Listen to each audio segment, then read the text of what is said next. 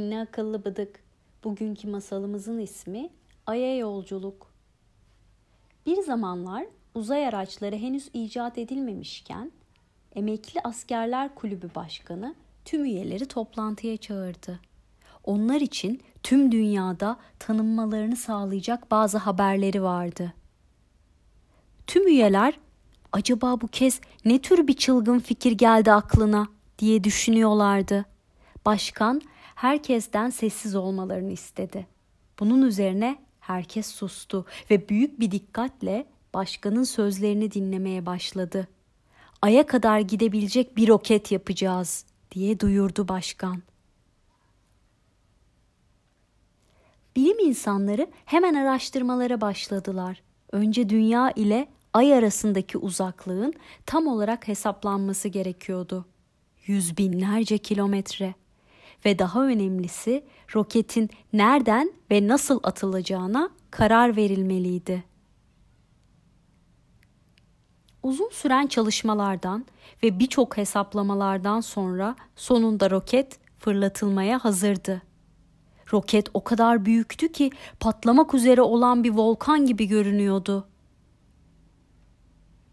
O anda genç bir macera perestin aklına inanılmaz bir fikir geldi. Ben de Ay'a gitmek istiyorum dedi. Bu insanlık için müthiş bir başarı olurdu doğrusu. Ama bunun için önce raketin tasarımını değiştirmek gerekiyordu. Çünkü aracın içinde üç kişi olacaktı. Kaptan, kulüp başkanı ve bizim küçük macera perest. Elbette başkanın iki köpeğini de unutmamak lazım. Çünkü başkan çocukları gibi sevdiği iki köpeği olmadan hiçbir yere gitmezdi. Yiyecekler, giyecekler, uzayda oksijen üretmek için gerekli malzemeler, pek çok hazırlık yapılması gerekiyordu. Dünyadaki tüm gazeteler Ay'a yolculuktan bahsediyordu. Hepsinin baş sayfalarında Ay'a gidebilecekler mi? Dünyaya sapa sağlam geri dönebilecekler mi? Ayda yaşam var mı? gibi sorular yer alıyordu. 10 9 8 7 6 5 4 3 2 1 Olağanüstü yolculuk büyük bir patlamayla başladı. Kolombiya adlı uzay aracının içindekiler uzaya giden ilk astronotlardı.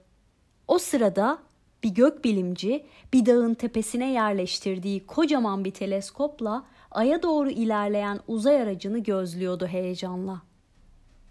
Aracın içindeki üç cesur macera perest ile birlikte insanlık için yepyeni bir dönem başlıyordu.